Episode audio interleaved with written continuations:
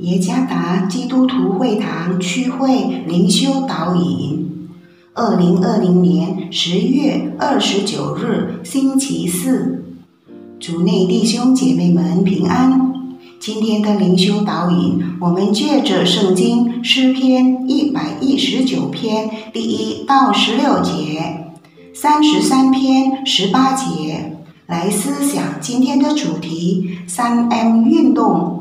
作者吴艳妮姐妹，诗篇一百一十九篇第一到十六节，行为完全遵行耶和华律法的这人变为有福；遵守他的法度，一心寻求他的这人变为有福。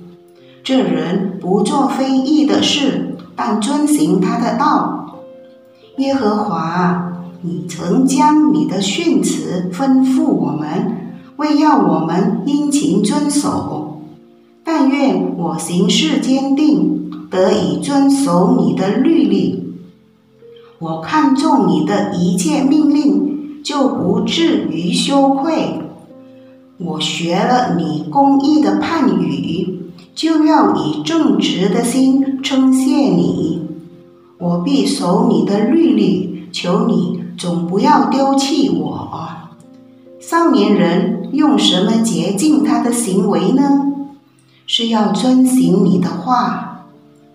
我一心寻求了你，求你不要叫我偏离你的命令。我将你的话藏在心里，免得我得罪你。耶和华。你是应当称颂的，求你将你的律例教训我，我要用嘴唇传扬你口中的一切典章。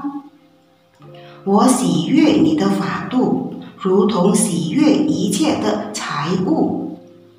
我要默想你的训词，看重你的道路。我要在你的律例中自乐。我不忘记你的话，诗篇三十三篇十八节，耶和华的眼目看顾敬畏他的人和仰望他慈爱的人。为了防止登革热病的扩散，国家卫生部发起了三 M 运动。该运动的意思是代表三个 M 字的含义。第一个 M，menguras，意味着把积水器具里的水排出。第二个 M，menutup，意味着把积水器具盖好。第三个 m m e n b u r 意味着烟霾可能成为扩散登革热蚊子繁殖地的潜在物品。登革热并非常危险，如果不及时治疗会致命。但是有一种比登革热病更危险的事情，就是那些感到绝望和失去希望的人自杀的行为。